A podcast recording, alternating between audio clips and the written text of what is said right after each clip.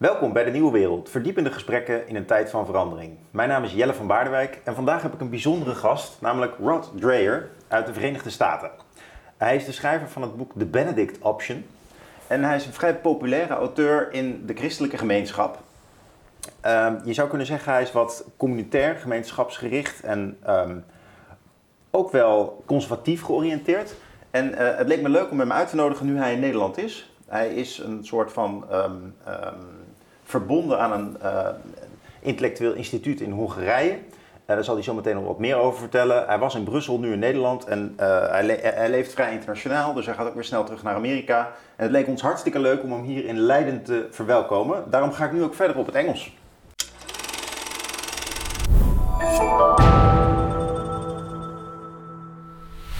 Welcome here in Leiden. It's great to be here. I'm hoping that on my way back to the train station, I will have uh, an Andreas Kinneging sighting.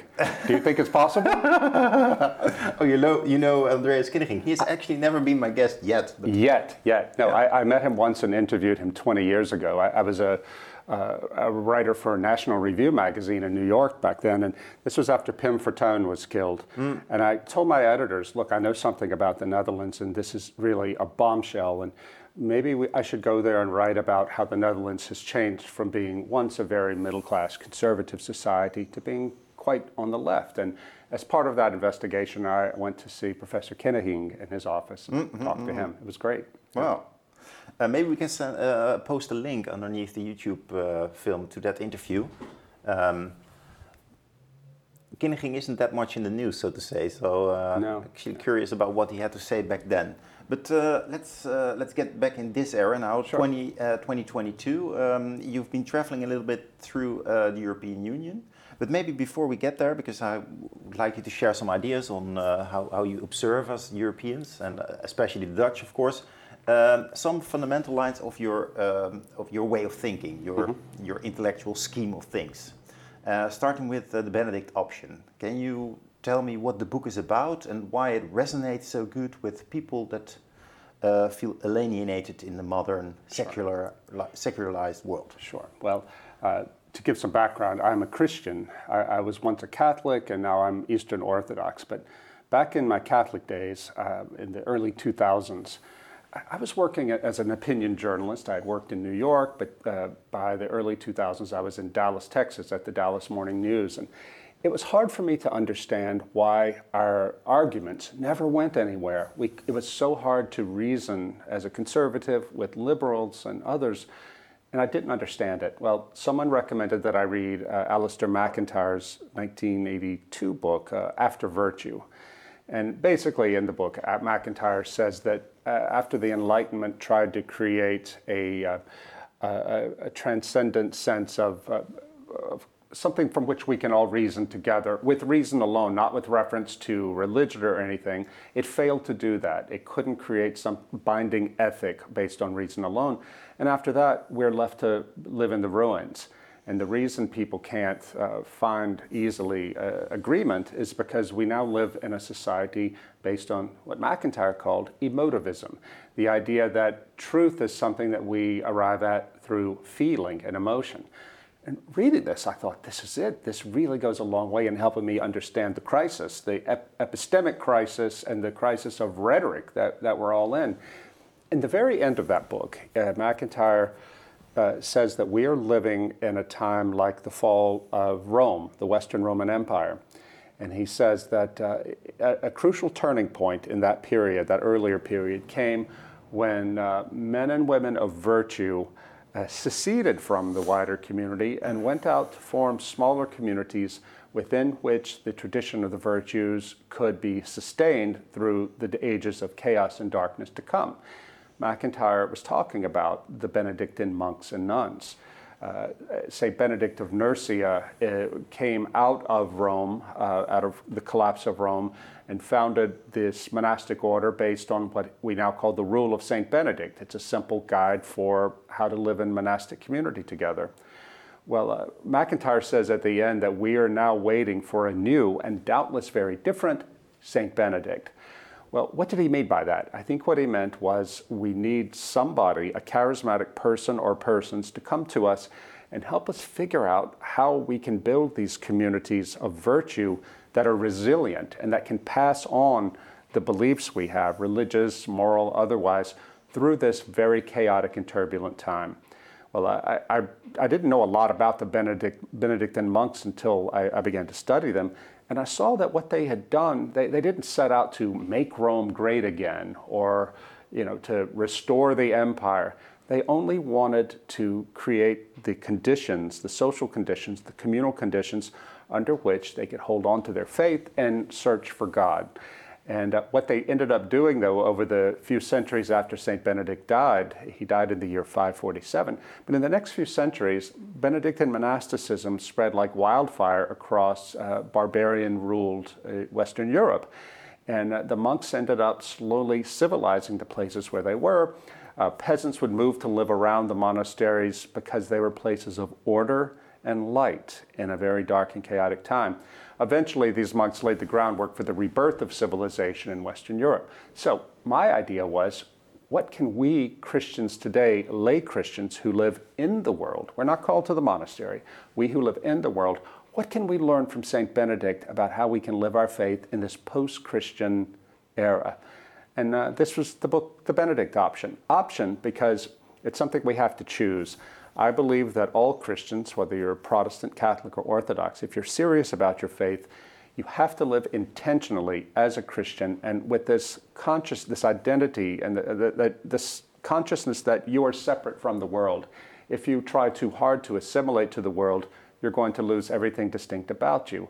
But we're not called to separate from the world completely either. So in my book, I went to talk to uh, various Christians in Europe and in the US from different faith traditions, different confessions, to uh, find out how they are being creative minorities. Something Pope Benedict said that we're called to be creative minorities. Mm. And that's the book. Very interesting. Uh, now, in the perception of the Dutch, America is still a very religious, I would almost say country, but state, federal, yeah. big, large state. Yeah. So, in a way, I understand this from two angles. Namely, there are living quite a lot of religious people in the United States, and it's such an overstretched state that mm-hmm. you need to find ways to establish your own community. Mm-hmm. Mm-hmm. Um, would you nevertheless say that it's uh, a scheme that fits the Dutch and the Europeans? Because we are a rather small country. Uh, the Benedict option. Uh, yeah. yeah, yeah. Well, I, I, should say. And, or is it uh, typical American in a way? Yeah. Well, I wrote it as an American Christian for Americans, but it turns out uh, this concept is even more popular in Europe than in America. I mean, the book sold very well in America, but it's now in 10 or 11 European languages, uh, which surprised and delighted me. Uh, and what I found when I began coming to Europe to talk about the book, it started in 2018, with the first publication in Europe was in France. I found that my audiences for this book are almost entirely Christians aged 40 and under. Because if you still go to church and as a young person in post Christian Europe, you're there only because you really believe. And I don't have to convince these people that Europe is a post Christian landscape. I do have to convince Americans because so many American Christians want to believe that, yeah, things are bad now and they're, they're, they're, declining. The young people are leaving the church in droves. But we can turn this around. Mm. In Europe, you don't have to convince people of that. The people who buy my book and come hear me talk only want to know how can we live faithfully in this landscape, in this cultural landscape. I should say, too, though, Jelle, that um, America, the, the, impression of America as a very religious country is completely understandable from a European point of view because it has been so for most of my lifetime. I'm 55 years old now. But that has changed dramatically in the last 20 years. The, uh, for two reasons. One, or in two ways. One, the young people, that is to say, those age 40 and under in America, mm are leaving organized religion in massive numbers. Now, they're not becoming atheists. That's really an interesting point, but rather they are becoming spiritual but not religious. Um, but that's it's meaning the death of organized religion of the churches. Secondly, the elites, elites within institutions and elites within networks are thoroughly secular and not just post Christian, but increasingly anti Christian. And uh, that is driving uh, the the de-Christianization of America in a powerful way. Plus, most American Christians have no idea how to respond to this because we've been so um, complacent in, in thinking that, oh, if everything's going to be fine if we just keep doing what we're doing, keep voting Republican, keep um, you know saying our prayers, everything's going to work mm. out. And I think this is absolutely foolish. And they'll find out eventually how bad things are, but they will have lost all this time that they could have used to build some institutions and habits and networks mm. of resistance. Now, you ask why, why Europe? As I said, it's because Christians here, and even in the Netherlands, uh, if you want to live faithfully, you need to live in a very different countercultural way. I, I, wish that when I was doing this book, I had heard about some of the Dutch Reformed communities here in the Netherlands. I've just learned about them in the last few days since being, being mm. here. Um, talking to some members of them, I was thinking, this is what I'm talking about this tight community uh, built around the worship of God and their, the care for each other. This is, it's something so simple. I'm just calling on the church to be the church, but we have forgotten that in modern times. So, um, why, why did you, in the first place, uh, uh, well, uh, stopped with the, the, Catholic Church and, and, and went over to the to the Eastern Orthodox yeah, Church yeah. because that's that's a major difference. In, in the Netherlands, we have a, a dominant Protestant sure. tradition, and then the Gereformeerde or yeah. the Reformed are then uh, its kernel, you could say. Yeah. Uh, so, so what happened to you that you uh, stepped over to the yeah. to the Eastern Orthodox I'm, Church? I'm glad you asked that question because it is a, a, strange thing for Europeans. In America, we we're a country of constant religious churn. I think something today like 50% of Americans are no longer in the church or even the same religion into which they were born. But this is much different in Europe. Uh, I was raised in a Protestant family in a small town in the deep south on the Mississippi River in Louisiana. We weren't very observant. We would go to church on Easter and Christmas, but that's it. So religion wasn't a big part of my life growing up. Mm. And when I became a teenager, I put it aside completely. I thought all of all Christianity is is the white middle class at prayer. I want nothing to do with it. And then, when I was 17 years old in 1984, my mother won a trip to Europe on um, in a church contest. Uh, she bought a raffle ticket and won. She didn't want to go, but she knew I really wanted to go to Europe, to go to Paris, especially to see the art museums. So she sent me. That's how I ended up as a, the only young person on a bus full of elderly American tourists. Mm. well, on the way to Paris, on the coach, we stopped one hour outside the city to go look at an old church. And I thought, another old church, really? But I went in. This was the cathedral at Chartres. And uh, I had no, I didn't even know what this was. There was mm. nothing in my experience growing up in late 20th century America that prepared me for the glory of God made manifest in this medieval cathedral, and the, the stones and the glass. And I remember standing in the labyrinth there in the, in the Chartres Cathedral, looking around and thinking, God exists. I know He exists, and I know He wants me. It was an overwhelming thing. All of my intellectual objections to Christianity suddenly seemed to fall away. I didn't walk out of the church as a convinced Christian, but I was on a search when I mm-hmm. went out of there, and I wanted to know who is the God that inspired men whose names we no longer even know to build such a temple to his glory. Well, uh, nine years later, uh, I, the search ended with me becoming a Catholic.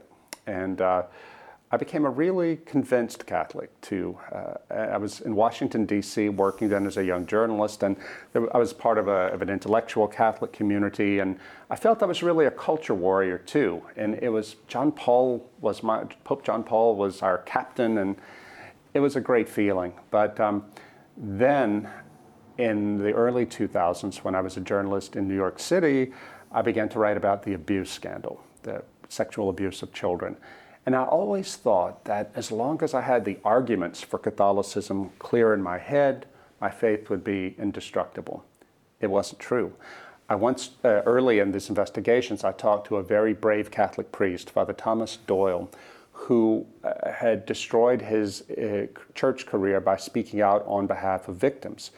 And after the interview, he said to me, Look, Rod, I can tell you're a serious Catholic, and I want to warn you that if you continue on this path of investigation, you are going to go to places darker than you can imagine. I said, Well, Father, thank you for the warning, but I feel like I have to do this get justice for the victims, to get rid of these evil people in the church, and to make the church a good place for my own son. I had a two year old boy at the time.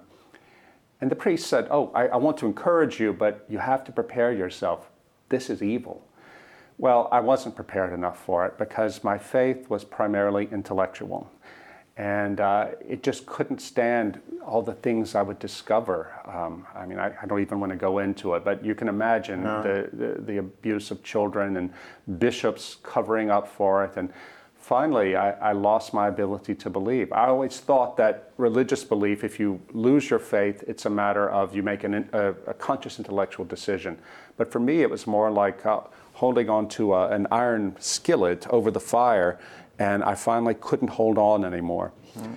Well, as I was losing my faith, my wife was too, and we decided we were living in Texas then. We decided to visit an Orthodox church, Eastern Orthodox, because from a Catholic point of view, the Orthodox have valid sacraments. We knew we couldn't receive the Eucharist, but we just wanted to worship God in the Eucharist and be in a beautiful, reverent liturgy without this constant anger and fear. Finally, we decided that no, this is where we need to be. But I have to tell you, I became a very, very different kind of Orthodox Christian than I was as a Catholic. It wasn't that I thought the Orthodox Church is free of sin. No church is free of sin.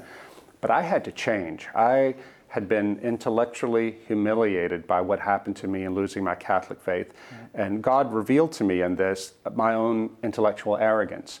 I realized that uh, the, the mind has a place within Christianity, but Christianity, first of all, has to be a religion of the heart. I had to get my heart uh, rightly ordered and let the mind follow that. So what this has meant for me is, in, uh, I think it's important to read theology and all that, but for me, I was always reading theology as a Catholic and wasn't paying attention to prayer and, some, ways of living my daily life in a way that would have formed me as a more stable Christian. I had lots of Catholic friends who were just as angry as I was about the abuse scandal, mm. but they didn't lose their faith. I did.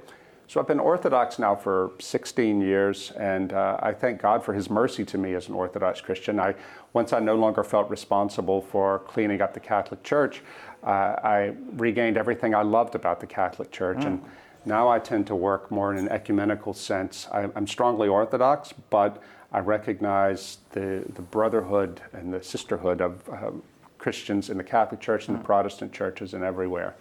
Well, thank you for sharing this, this story of your devotion and of, of how you got from one church into the other and what the, what the pain must have been.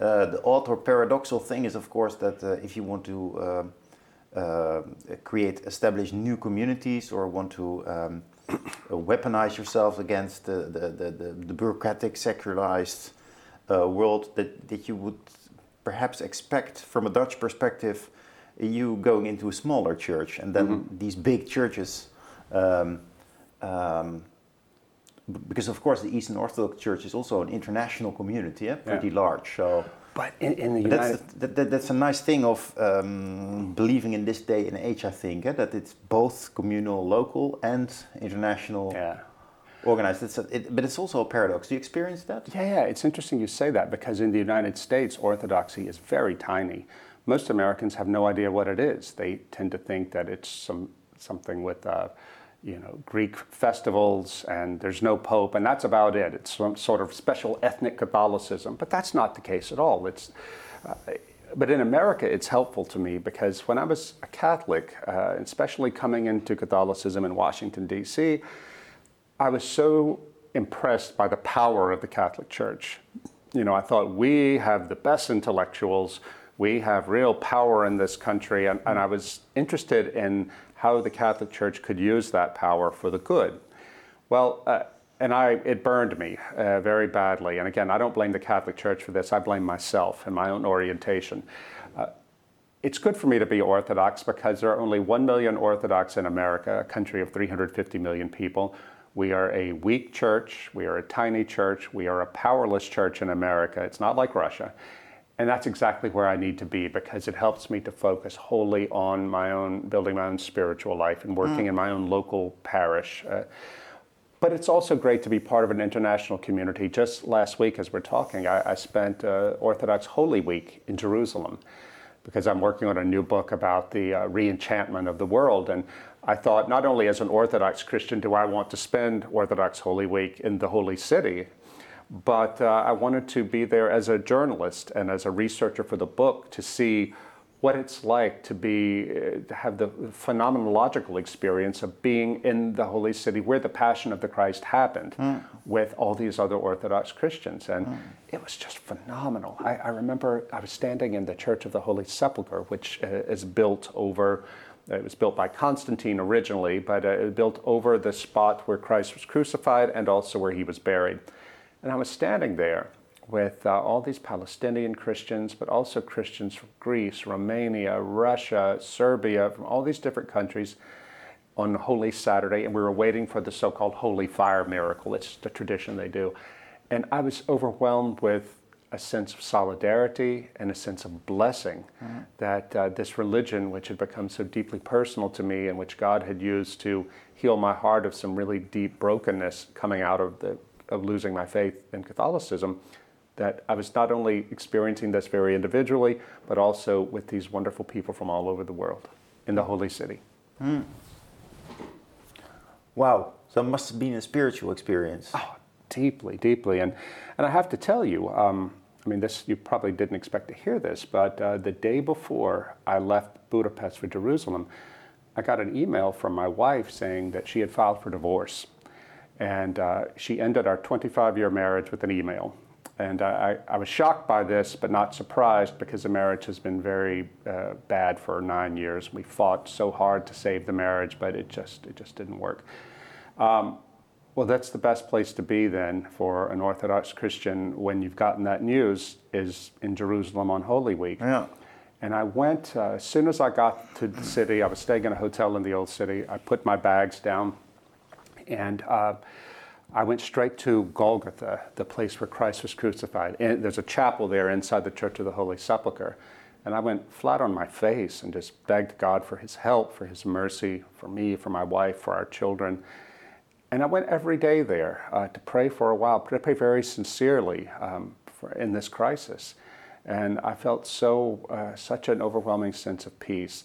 I have to tell you that um, the most important thing that happened to me there, there are two important spiritual things, but one of them was the, most, the simplest thing. And I, I think back on the story I just told you about how I was such an intellectual Catholic, and that intellectual tower I built collapsed like that. well, I, on Good Friday, the Friday before Easter, I came out of my hotel room in the old city, and there in the hallway was a chambermaid, a Palestinian chambermaid. Uh, and uh, she was standing in front of me, and she had these deep brown eyes. And uh, she, we smiled at each other, and I gave her a compliment. I, she was wearing a little necklace, and I said, I love your, your, your cross necklace. And she looked at me and she said, It's yours. And she took it off and put it on my head. I burst into tears. I said, I'm so sorry, but you don't know this, but I've just had a terrible shock. My, my wife is filing for divorce, mm-hmm. and uh, it was you know, not expected, but I, am struggling with this, and you just showed me mercy. Mm-hmm. And she hugged me, and we had no deep conversations, but the fact that she showed me that little mercy mm-hmm. made all the difference in the world. And I, I, told her I would always wear the cross, and this is the cross mm. here. Just something very simple. Mm. But I reflected on this, Jelle, and I, on how uh, that little act of mercy from a chambermaid in a hallway of a hotel in a time of crisis meant all the world to me. Mm. And uh, it taught me something also about intellectual humility that uh, somehow this love, this simple love. Oh, she said her name was Angela. She said, you know, some people say I'm like an angel to them. Mm-hmm. She said they tell me their sorrows, yeah. and I put. She used her hand. She That's said, a nice synchronicity. Yeah? yeah, yeah, yeah. She said I put them in my heart, and they don't come out. And yeah. Um, later on uh, on Saturday night, the next night, I was. Uh, we have the midnight liturgy for the. It's a five-hour liturgy on Pascha, Easter, and I was trying to find my way in the darkness through the old city to the Church of the Holy Sepulchre, but I was lost, and it's easy to get lost there. And I, I, was going down a very dark street. I saw a man standing in shadow, and I thought, oh, what if he's an angel? Then I laughed at myself, and it was just a man. But I turned around from the darkness, and I was walking back towards the lighted street and thought, if I did see an angel, what would the angel look like? I mean, I believe in angels. And as I got into the light, there was Angela and uh, the maid. Once again? Standing there once again. Oh. So, I'm so happy to see you. And Yeah. she hugged me. She said, Are you okay? Yeah. I said, I'm more than okay, thanks to you. She said, Thanks God. And she introduced me to her brother who was walking with her. And she said, The church you're looking for is just around the corner and to the right. And I, I Well, it's clear. So you're a very religious man. Can you maybe?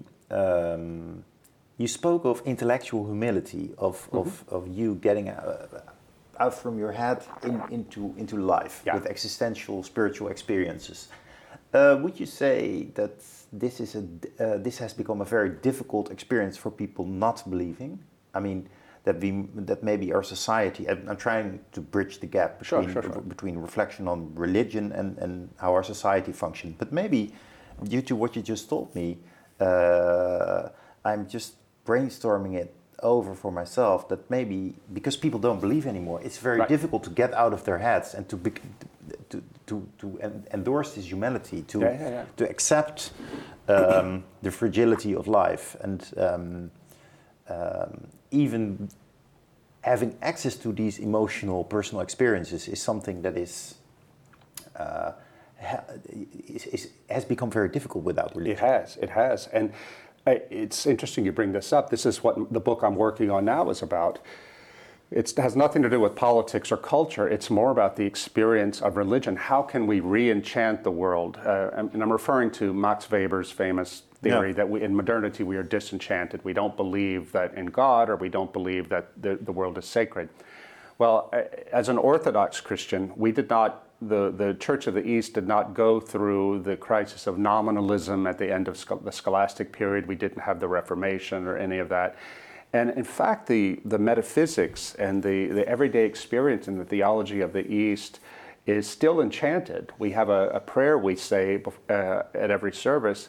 We address God who, quote, is everywhere present and fills all things. Now, this is a metaphysical statement. We believe that God is in some mysterious way present in this table, all around us. Uh, it, it's, it's a complicated uh, theological explanation, not worth doing, but it's, it's about not worth telling, but it's about enchantment.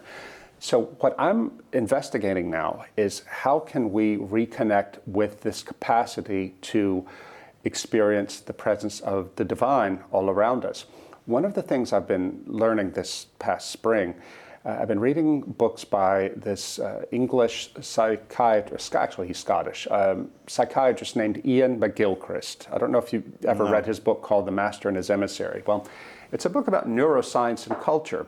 And McGilchrist's basic theory is that uh, a- af- that you know we have the different brain hemispheres. The left hemisphere is more analytical and abstract, and the right hemisphere is where most of the the emotions are processed, but also the sort of knowledge that we get from poetry, from music, from art, from religion, things like that. In a healthy brain, they work together. They're united and balanced. We in the West, he said, have not had a healthy brain in that sense since the Enlightenment, where we have radically privileged the left hemisphere. So his idea is how, how can we achieve more balance? Uh, because it turns out that we in the West are radical outliers of human experience. I don't know if you've heard of this uh, theory called the weirdest people in the world, capital W E I R D. Yeah. It stands for Western Educated, Industrial, Rich, and Democratic. It's a book uh, by a Harvard anthropologist called Joseph Henrich, in which they discovered that uh, most of our knowledge of human psychology comes from uh, tests done on Western people, because this is where psychology developed. Well, they've discovered in the last 20 years that, in fact, Western psychology is radically different from psychology of people all around the world. and, uh, and I have seen this too. We find it so difficult in the West to be open to religious experience and numinous experience, uh, things that are easier for people in other cultures around the world to do. So what I'm working on now is to figure out how can we do this in the West? How can we regain our ability to sense the presence of the divine?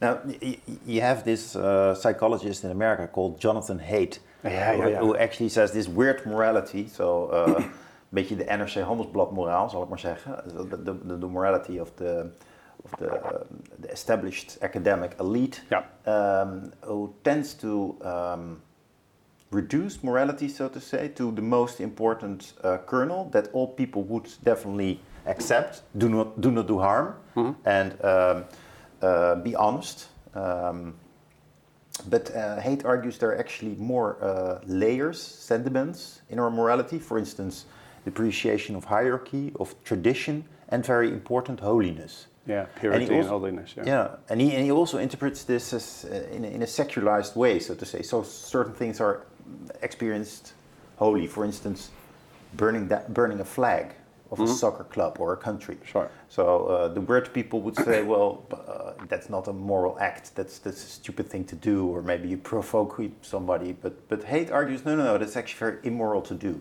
But not all people perceive this. Yeah. And I like the argument because um, um, it's not only the Western person that is the the, the white Western uh, educated uh, Protestant or Prost Protestant uh, man, the zevenvinker, we also say in Dutch uh, is, is dominant in psychological discourse. No, it's it's it's it's with it, it's only the a, a certain academic leftish. Uh, uh, secularized uh, white person. Mm-hmm. Uh, I like that Haidt thesis because I recognize yeah. it. I see a lot of people around me that, that endorse other types of moralities. Uh, well, what is wokeness but yeah, that's that's part of the woke debate as well. So sure, sure, sure. It's a, it's a monopolization of morality. Whereas this Haidt, for instance, or the person you referred to, what's his name again? Uh, Iain McGilchrist. McGilchrist. Yeah, his most his most famous book is called The Master and His Emissary. It refers to the brain hemispheres. But he has a new book out called The Matter with Things, where he expands on the argument about culture and brain hemispheres and takes it into metaphysics. Mm. Uh, it's really interesting. But what Haidt says, uh, that he was so onto, uh, onto things, and it, it really made sense to me for reading Jonathan Haidt about why we're clashing all the time and don't understand it in American life, especially as a professional journalist. I mean, in, in the US, most journalists are very much on the secular left. Uh, I was always a weirdo in, as a religious conservative in journalism, but I, I was always treated fairly. And, but you, you know that you're a minority and people don't see things the way that you do. But what used to really make me angry working in newsrooms is how so many journalists, as secular liberals, they thought that they were the paradigm of being open minded and searching. In fact, they were just as closed minded as anybody else, but maybe they were in a worse condition because they were under the illusion that they were really tolerant and open minded. And it was, it was just false. But um, with the wokeness thing, I think wokeness is best understood as a form of religion and a form of purity religion, using Haidt's, uh, Haidt's um, uh, uh, categories. Because what, are, what do the woke do? They, they're part of a movement that seeks total purity. They want to rid the world of evil, evil as defined by racism, sexism, homophobia, transphobia, whatever and they are apocalyptic in their approach. They say, We cannot tolerate evil, we must do this, we must have a violent action to rid the world of this evil. Now, they don't refer to God at all, but they're sacred, uh, the, the things that are sacred to them are minorities, racial and sexual minorities. But it should be understood as religion. And this is why you can't argue with them. I remember I think one of the key turning points in, in our cultural debate or in the culture war and debate over wokeness came in October of 2015 at Yale University. Of course, at that time, we had never heard of it. No, no, no, and we didn't use the word wokeness then either. But at uh, Yale University, uh, clearly one of the world's most important universities, the university sent out just before Halloween an email to all the students saying that um, take care about the costumes you wear. You might offend somebody with your costume. Be very careful. well, at the university, students live in certain houses, and uh, some of these houses have house parents who are usually academics, an academic couple. Well, there was this one house at Yale that was uh, the house parents were the Christakises, Nicholas and uh, Erica Christakis.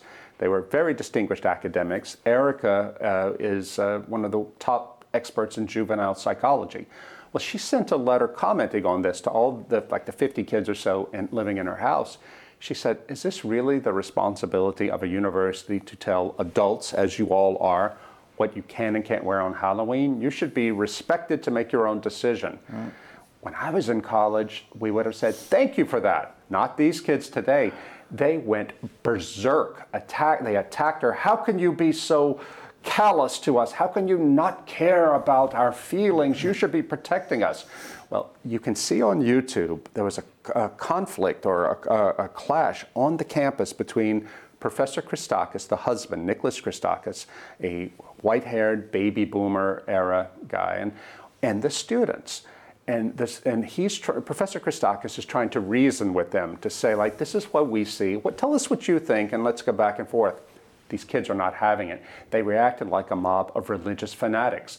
They're, you can see them on the video screaming mm. and crying and cursing him, like like he had just um, you know insulted their their their God. No. And I realized watching this, this is the end of rationality. This is the end of academia because this poor man was trying, Christakis was trying to have a dialogue they didn't want dialogue. They wanted him to apologize. No. They wanted repentance and how they wanted ex- submission. Rod, how do you explain or how do you interpret the intolerance of the tolerant? Well, they, they pretend to be very tolerant and mm-hmm. to uh, protect the vulnerable.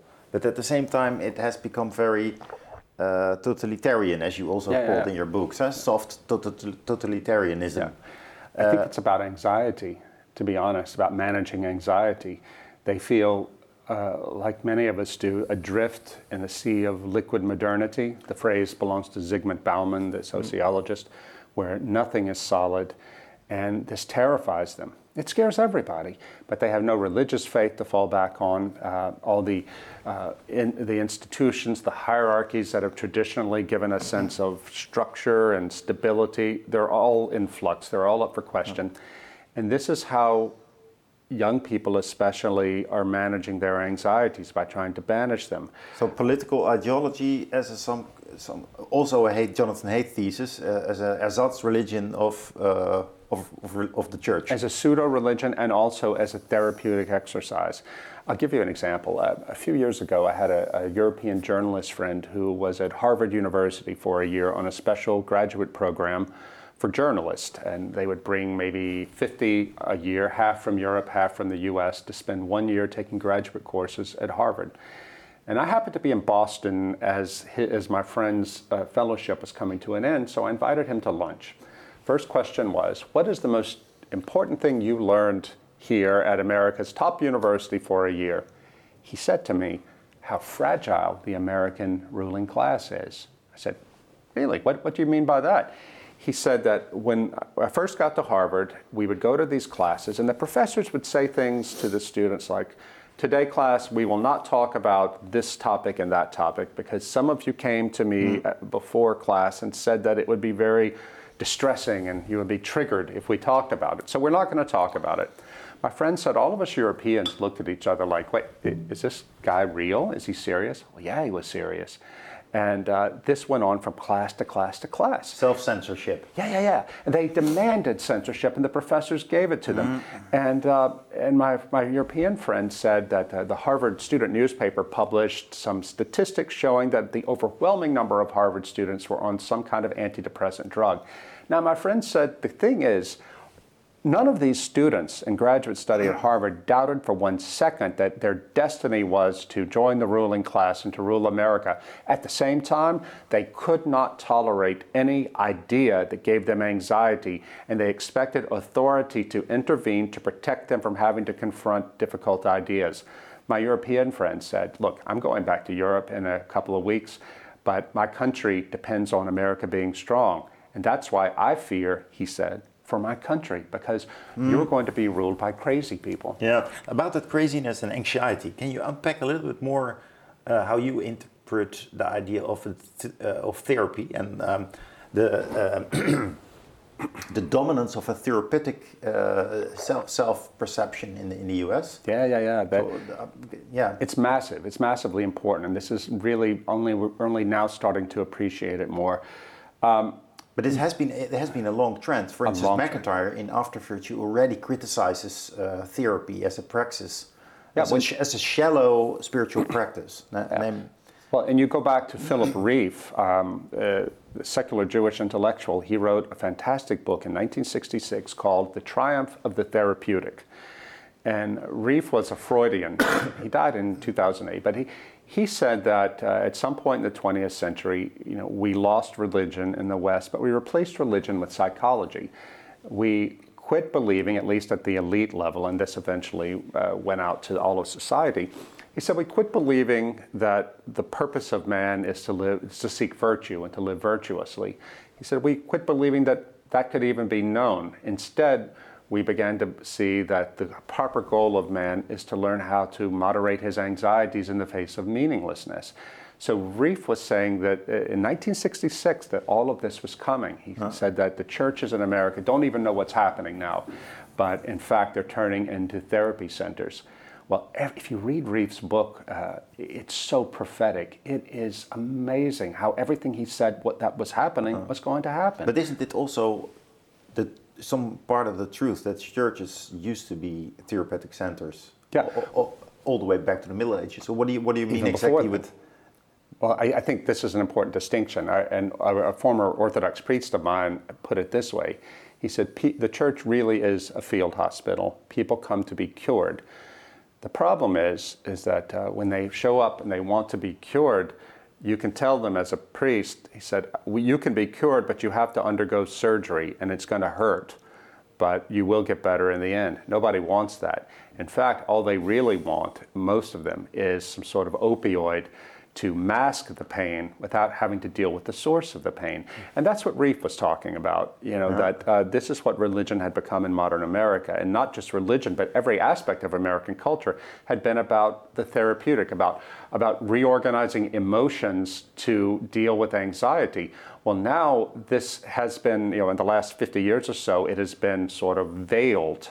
Uh, but now it is out in the open completely. And we have this therapeutic politics that's not it, has gone from being a soft form of therapy uh, about emotivism and things like that to being something really quite radical.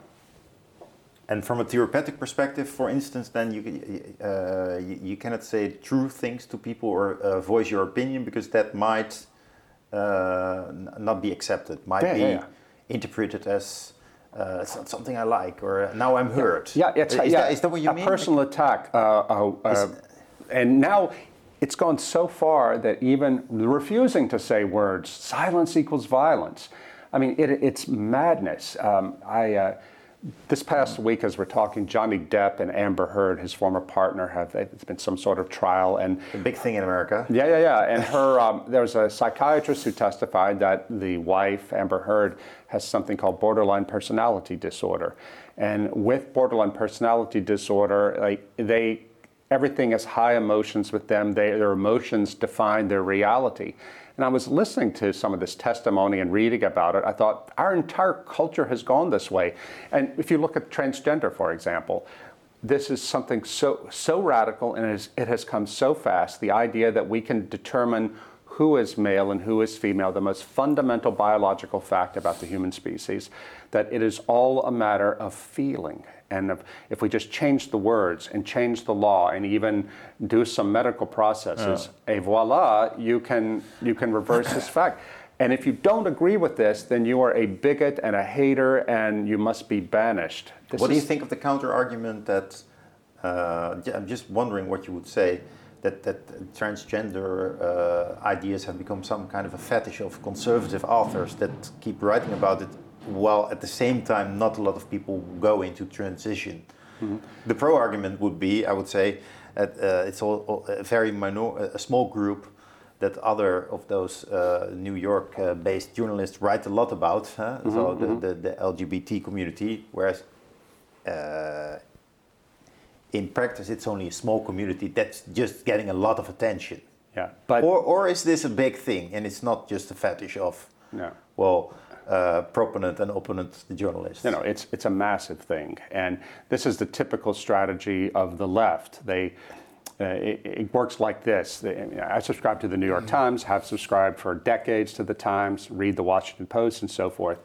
They're constantly, for the last 10 years, have constantly been going on and on and on about LGBT. And so it's like they, they say to us, gay, gay, gay, gay, trans, trans, trans, gay, gay, trans. And you say, gay? Trans. They say, "Why are you so obsessed, you bigot?" this is how it works, yeah. and in fact, we have we, we can prove it. Um, a young man named Zachary Goldberg, a political science PhD student in Georgia, he did a search on the Nexis Lexis database, which is where all the yeah. uh, journalism goes into. Uh, he did a search of key woke terms like white supremacy, transgender, gender identity, things like that. He found that around 2012, 2013, the, the, the charts went from this to this, straight up, because the, suddenly all the media were obsessing over all of these things, pushing it into discourse. The How come? Where, did, where does this come from? Is this is this related to this therapeutic um, development in our culture? I don't. I, honestly, What's the source? I, I, think that it's clearly related to the therapeutic development, but I don't really know what triggered it in 2012 and 2013. Maybe it was the entrance of a certain generation of um, uh, kids who are radicalized in university into the professional workplace. I think a big part of it had to do with the uh, old fashioned liberals who were the guardians of the institutions, journalistic and otherwise, collapsed in the face of the pressure from the radical students. Mm. You know, and uh, we, I can tell you for a fact, journalism standards have collapsed because the, the, these older liberals are mm. terrified of the radical students. Let, let, me, let me share another uh, thought with you and just wondering what you think about it. Maybe it um, entered the public realm because in a way it's the it's the next step in the process of individualization. Yeah. Because um, uh, so if you don't live in communities anymore, but in a mass society, and you want to self, uh, you you want to flourish from your individuality, which is also very therapeutic, of course, uh, this mm-hmm. authentic experience. At one time, you just decide for yourself. Because earlier on you, you talked about emotions, but it's also a very rational discourse. Yeah. Like I w- woke up and I thought about it, and I think I want to be uh, a man or a woman. I think yeah, about yeah, yeah. this. I don't. I don't. So the body it's is a form of abstraction. It's a form of abstraction from the own body. So and, and, and in a way, it's just there's because you also write about this in your book, the big uh, cultural developments, uh, Descartes, Reformation, and so forth. Um, you can also see this in this larger development, huh? namely that maybe this is already in a way uh, readable in the in the works of the philosopher Descartes, who thinks that uh, he, he, in essence, is a person that thinks. Huh? Yeah, and, the, yeah, yeah. and the rest is, so to say, a choice. Yeah, yeah, yeah. So in a way, you could say this this wokish discourse of, of uh, trans had to come mm-hmm. at, at, some day because yeah. it, it it it fits fluently in the process of um, yeah. the disenchanted individual. Yeah, I think you're right about that. That's that's really a good line of, of, of thought. And I, I think in, in, that sense, it's probably no accident that this began, this sort of thing began to break big into American culture um, only seven years after the smartphone debuted.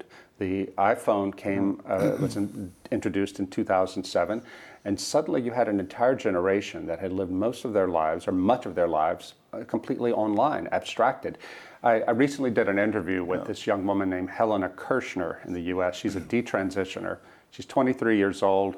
When she was 18, she decided she was really a man and began to take hormones and live as a man.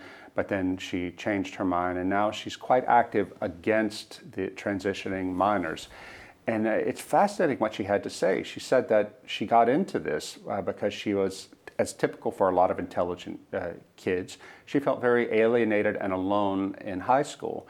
Well, she found this Tumblr online at tumblr.com community, a trans community, and she was told there that you, as a heterosexual white woman, you are the lowest of the low, but you can, you can redeem yourself if you become queer. And it wasn't quite that crude, but she said it was so clear that if I wanted to be part of this community, to be affirmed by this community, to get rid of everything I hated about myself, mm. because she was a teenager, and you hate yourself, uh, I could I could be redeemed if I would change my identity. And eventually, she said, the higher, the, the more radical you would transgress the, the givenness of your body, the greater affirmation you would get and the greater sense of meaning. She said it was narcotic. Suddenly, I, I felt that online in this abstract community that was telling me these things, I had a sense of meaning and substance.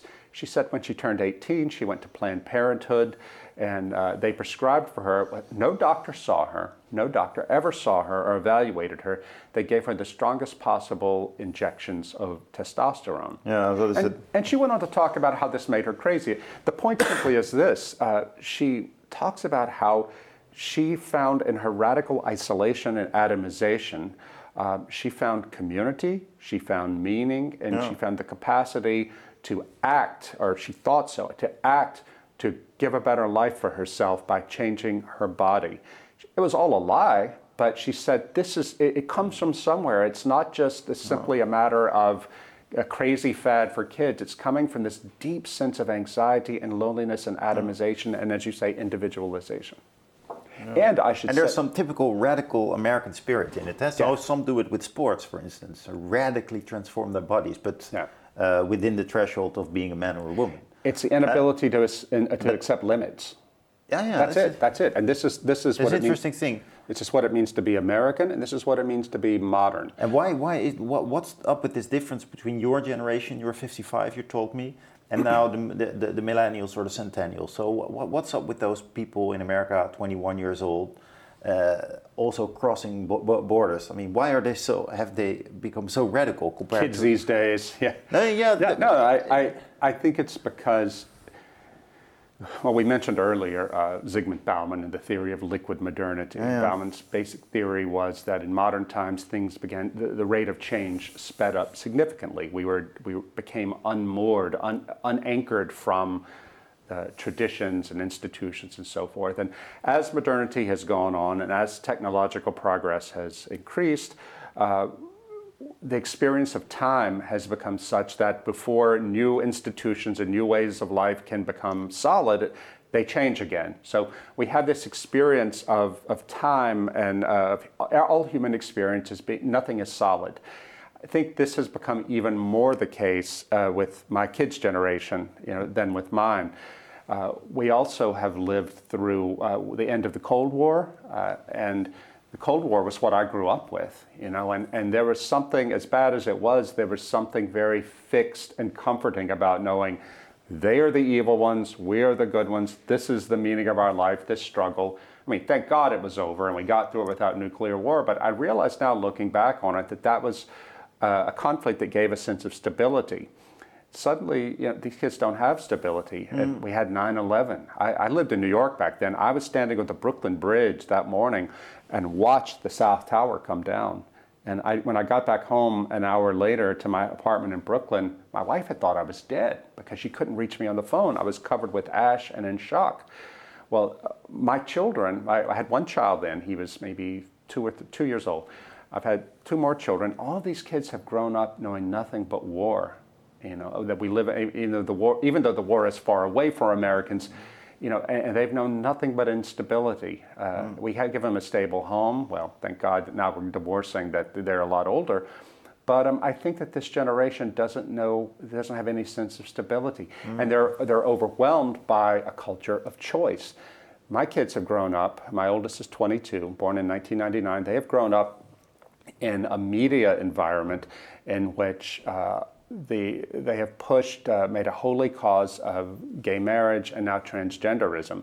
So the, the media, I've always tell people that media bias isn't a matter of them telling you what to believe. Media sets the framework for what the discussion can be, what is permitted and what isn't. Oh. Well, uh, these kids and all kids in America have grown up in a, in a media environment in which you can choose whatever you want. Your body isn't stable. You can, uh, Yeah. modernity has that- entered that- into your that- body. That's on the left uh, progressive side of the debate. But the, the, that with, if I would situate you in the culture wars with uh, being a writer for the American conserv- conservative, I mean, you also have the other uh, part of the media that, that inspires you to live to live in a different way, isn't it? I would say that compared to the Netherlands, you have this diet of media that allows you to find inspiration in other ideas, Christianity, tr- Yeah. tradition. That's also Yeah. Well, and- isn't that also on Fox News and in American Conservative, or, or do I have a misperception of this culture war? Well, I, I, this is one of the things as a conservative that frustrates me about my own side is we American conservatives are much more liberal in the classical sense than we realize. You know, we're really right liberals, and uh, if you see how so many American conservatives live, it's not so different from how liberals live. It's all about individualism. They just have rearranged their prejudices. They don't believe that they are bound by anything that is not chosen. They're very modern. We're very modern. And look, it's hard to escape this. Look at me. I, I don't want to be hypocritical. I was born into a Protestant family, non practicing, but still Protestant. I became Catholic, and now I'm Orthodox of all things. Yeah. Um, I married thinking I was going to last forever, and now I suddenly find myself the subject of divorce. I can't be hypocritical and say that I'm not a modern person too.